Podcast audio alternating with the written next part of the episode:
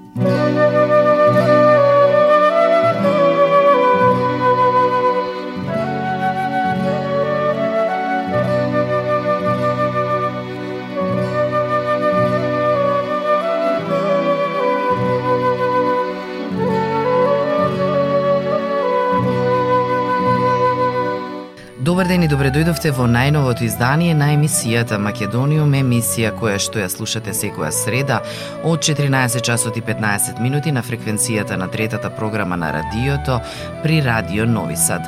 Голем поздрав од вашиот уредник и водител Јулијана Милутиновиќ. Македониум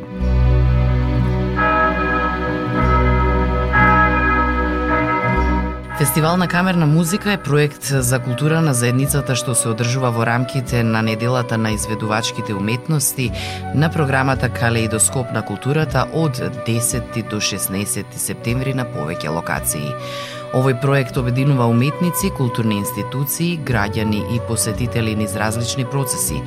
Мисијата на проектот Фестивал на камерна музика е воведување на нови естетски пристапи и насоки во креативниот процес, употреба на нови технологии на самиот концерт, презентација на нови форми на изразување, но и создавање нова публика како и децентрализација на културните содржини.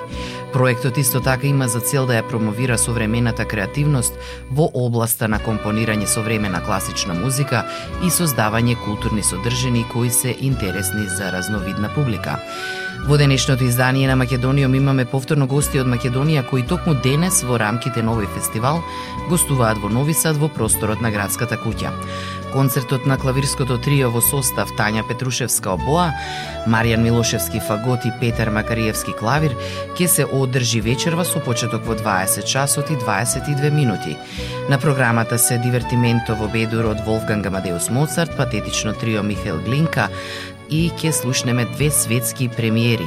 Прелудиум и токата посветени на триото на Филип Иванов, како и во моментот или at the moment на Вања Николовски Јумар, исто така посветена на триото. Триото на овие музичари постои од 2014 година и од тогаш низ нивниот репертуар може да се слушнат композиции низ широк спектар од различни епохи. Нивниот репертуар стално се збогатува, имаат одржано преку 30 концерти на различни фестивали во Македонија. Ова трио е опишано како трио со силен звук, интерактивност, прецизност во изведбата, индивидуалност и виртуозност. Музика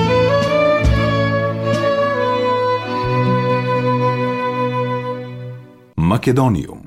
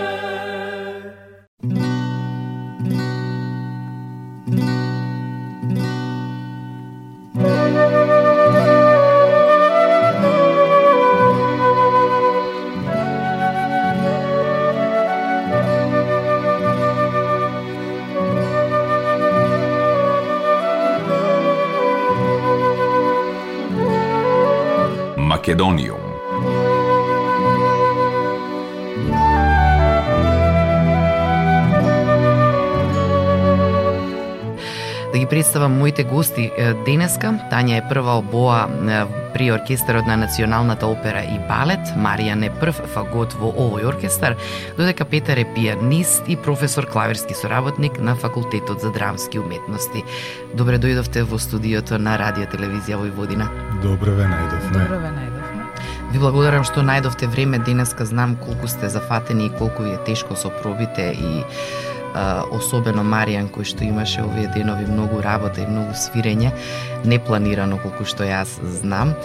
Најпрвен ќе ве прашам, еве Тања, бидејќи е дама, нели? Тања, кажи ми како се чувствувате овде во Нови Сад? Дали ви е убаво? Се, дали е се она што го очекувавте така? Првин добар ден и поздрав за целите, за целата диаспора и за сите слушатели на на овој канал на вашето радио.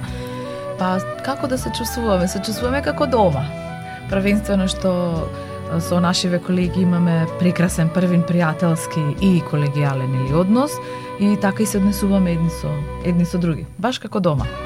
Многу ми е драго. И јас се чувствувам со вас како дома да сум во Скопје. да, баш, баш.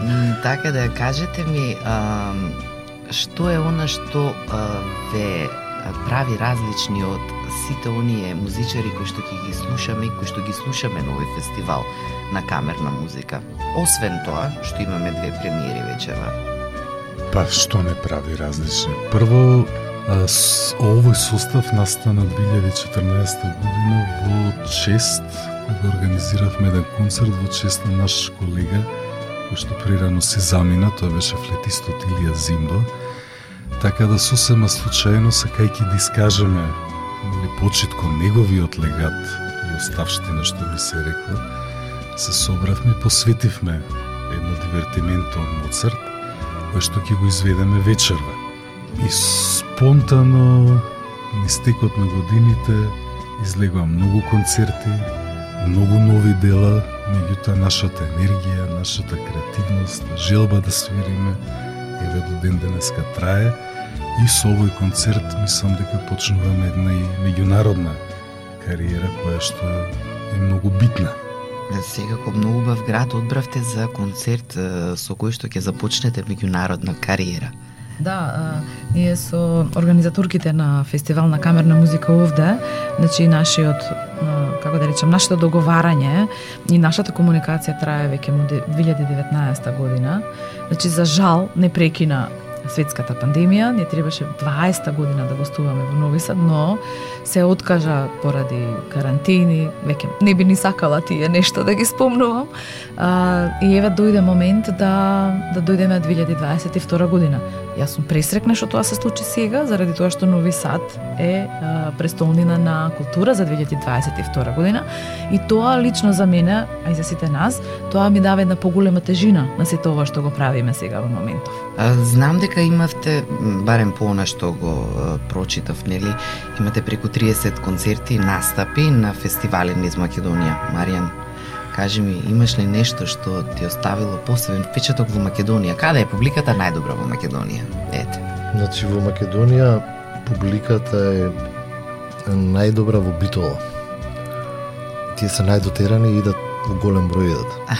Додека во Скопје не знам дали од самата Гузој до све помалку и помалку има на камерни концерти публика, така да во Битола имаш она сигурно 100-150 луѓе доаѓаат на, на камерен концерт. Да. И како и во малите градови што бевме зачудени што имавме во во Берово, Виница, а најмногу ме зачуди Демиркапија, што е многу мал град, а имаше околу 100 луѓе имаше на концерт дојдено во Винскиот музеј. Феноменално. Феноменално. Луѓето сакаат концерти. Да, и некако, извини, јас да се надополнам.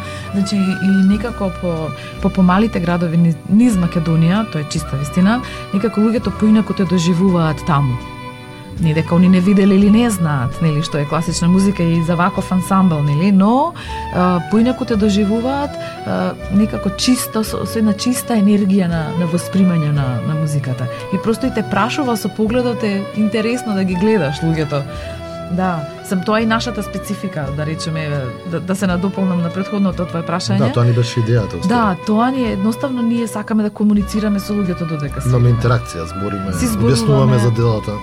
Да, Феноменално. да, тоа е, Да. тоа е нашиот начин. Значи дали вечер во ова ќе го видам? Па да се надеваме, Јуле. да се надеваме дека во Нови Сад ќе го имаме истото. А како што кажа и колегите предходно, а, почита из Македонија, посебно во малите места кон нас, е толку голема што ние се за, за, зацртавме да секоја година, тоа е секое лето, правиме различни турнири во различни делови од Македонија. Така да веќе офативме два дела. Здравје Боже, следното лето планираме уште еден дел од Македонија.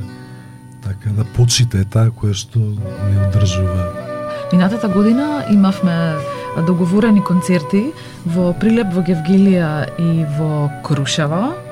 И едноставно се сместивме во Битола и во едно 4-5 дена, патувајќи од Битола до другите градови, ние ги направивме тие три концерта у 5 дена. Е сега оваа година имавме по истокот турнеја, значи Виница не беше центарот и после тоа а, се случуваше нели Делчево, се случи концерт во Берово, концерт во Кочани, концерт во Виница и тоа е нашиот начин на кој што комуницираме, се дружиме со луѓето таму во местото каде што Така, сме местото, сместени, да. да. се дружиме со нив и нас не е тоа интересно. Пробуваш разни вина, храна, тоа ни е интересното, да. Да, и секогаш правиме нека програма која што би била приемчива за луѓето. Е, кога сме кај програмата, Да. колку често ја менувате на тие настапи на фестивалите во Македонија? Или на настапите воопшто? Знаеш, мораме да направиме програма што луѓето ја прифаќаат. Значи на тие концерти одиме со со оперски арии, увертири, интермеца, така да они ги знаат тие мелодии и некои пеат со нас. Да. Да, Тоа што да. кажавте, интеракција. Интеракција, да. Тој концерт им е уживање, не е едно дека доста на класична музика да се дотера и сега да ќути тука и да, него им е она да ужива, седи, се смеат, играат.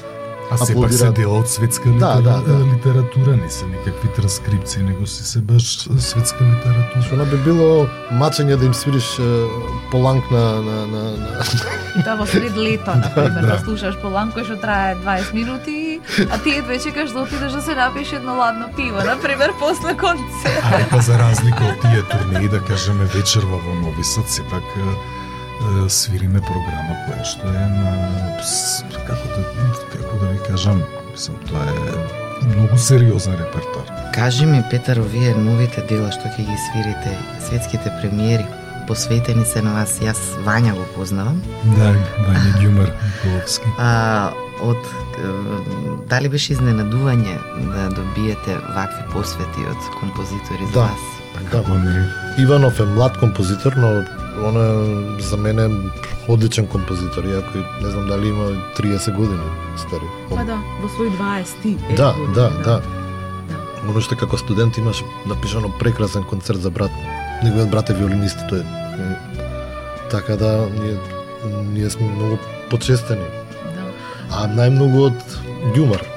Што знаеме Кој кој беа Ѓумар? кој се Ѓумар, браќата Да. Ѓумар. Така е, така е.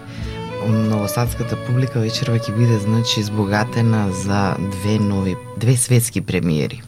Да, јас само да се на, надоврзам, не? Нели, значи, е, слушнавме на, на еден концерт на кој што бевме присутни, слушнавме дело од Филип Иванов и ни се допадна начинот на кој што ја води композицијата и мелодијата и му се јавивме, го замоливме дали би сакал и, и ќе има време за нас нешто да напише и напиша од прва композиција и рековме ајде да не застанеме тука, ајде уште да си побараме уште од некого Аха. И се случи гостување на, на Вања Ѓумар во, во Скопје. Диригираше со оркестарот на Македонска опера и балет на Денови на македонска музика. И си седнавме просто на кафе и го прашавме. Фудбал, Македонија, Португалија. Да. И рековме дали ќе можеш да ни напишеш Ептен со многу големо задоволство ја прифати таа наша молба и исто во рекорден период добивме композиција од него и сега вака може би е неуместно, ма и веќе речам од после тоа почна да се редат нови и нови композитори, други различни со различни своји композиции, токму за овој наш состав. Не, тоа неуместно, значи Мислам да не- Филип повлекол нога, Така е, така е. Фања додал и сега веќе Сега си имаме тече у најава тоа. уште 20 композитори, така да ете ни цел концерт со македонски автори. Феноменално. Да. Јас многу се радувам што вечерва ќе слушам македонски автори. Тоа ни беше идејата. Да. Особено ми е задоволство што овде ќе се свират македонски автори. Луѓето овде сакаат генерално македонска традиционална музика. Да. И тоа е природно и нормално. Да, во, во, во делот на Вања има една, една преработка. Да. Така Со да. специфичниот наш ритам, Да. Спремни сте за вечерва. Е, копушка. Многу се радувам што најдовте време денеска да дојдете во радио телевизија Нови Сад да го снимиме ова интервју. Кажете ми за крај дали имате некакви желби за понатака, значи светската кариера каде би сакале да ја продолжите од Нови Сад каде да? Па ние имавме застој само времето кога беа карантините. Значи имавме планирани концерти што ни отпадна. Ти, ти требаше да одиме во Нью Йорк. Сега имам следната година планираме да одиме во Истанбул. Имаме македонски културен центар во Истанбул. Да, имаме покана од Сплит исто така. Да. Тоа не си некој сега Босна, да речем. не Да. се Со Бања Можам, Лука, да, во. Република Српска, со исто сме во преговори во Бања Лука да свириме. Сараево. Па, што ќе отвори пат после Да, понатака, да, да. тераме. Мислам, без некоја конкретна агенда сега тој и тој месец дека имаме ваму и таму, меѓутоа, нели, работиме на случајот да покрај концертите низ Македонија и во Македонија во, и во Скопје, пардон, едноставно да, да си работиме и на меѓународна кариера. Па сега, каде ќе биде, тоа ќе видиме. Светот е ваш. Да, Така така е. А, многу ми е мило што ми бевте денеска гости во Македониум. Вечерва знам дека ќе уживам јас и публиката која што се надевам а, ќе дојде во што поголем број во градската куќа во Нови Сад, особено заради двете светски премиери, а јас им се радувам посебно. Ви благодарам уште еднаш, имајте убав ден, вечерва се гледаме. Благодариме ме Благодариме поканивте. што не Фала поканивте. Иле на поканата. Ќе се видиме повторно и во некоја наредна И прилика. само за убави работи. Да.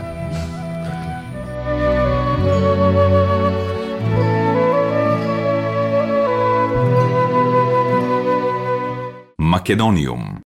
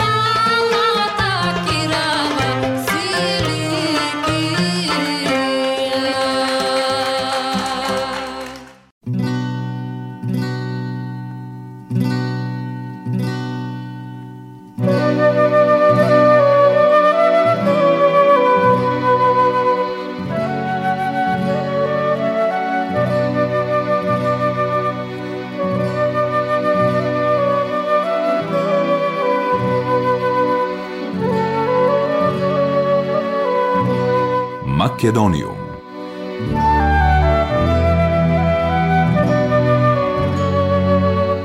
Во денешното издание на емисијата Македониум го имавме триото, клавирското трио кое што вечерва го слушаме во просторот на градската куќа Нови Сад, Тања Петрушевска, Маријан Милошевски и Петар Макариевски, кои што вечерва ќе изведат прекрасни дела, меѓу кои и две македонски премиери, премиери на македонски автори.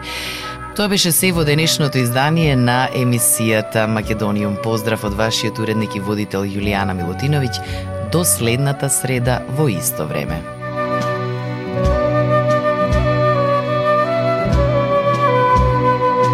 Ја следевте програмата на македонски јазик, емисија Македониум. Главен и одговорен уредник Воин Поповиќ.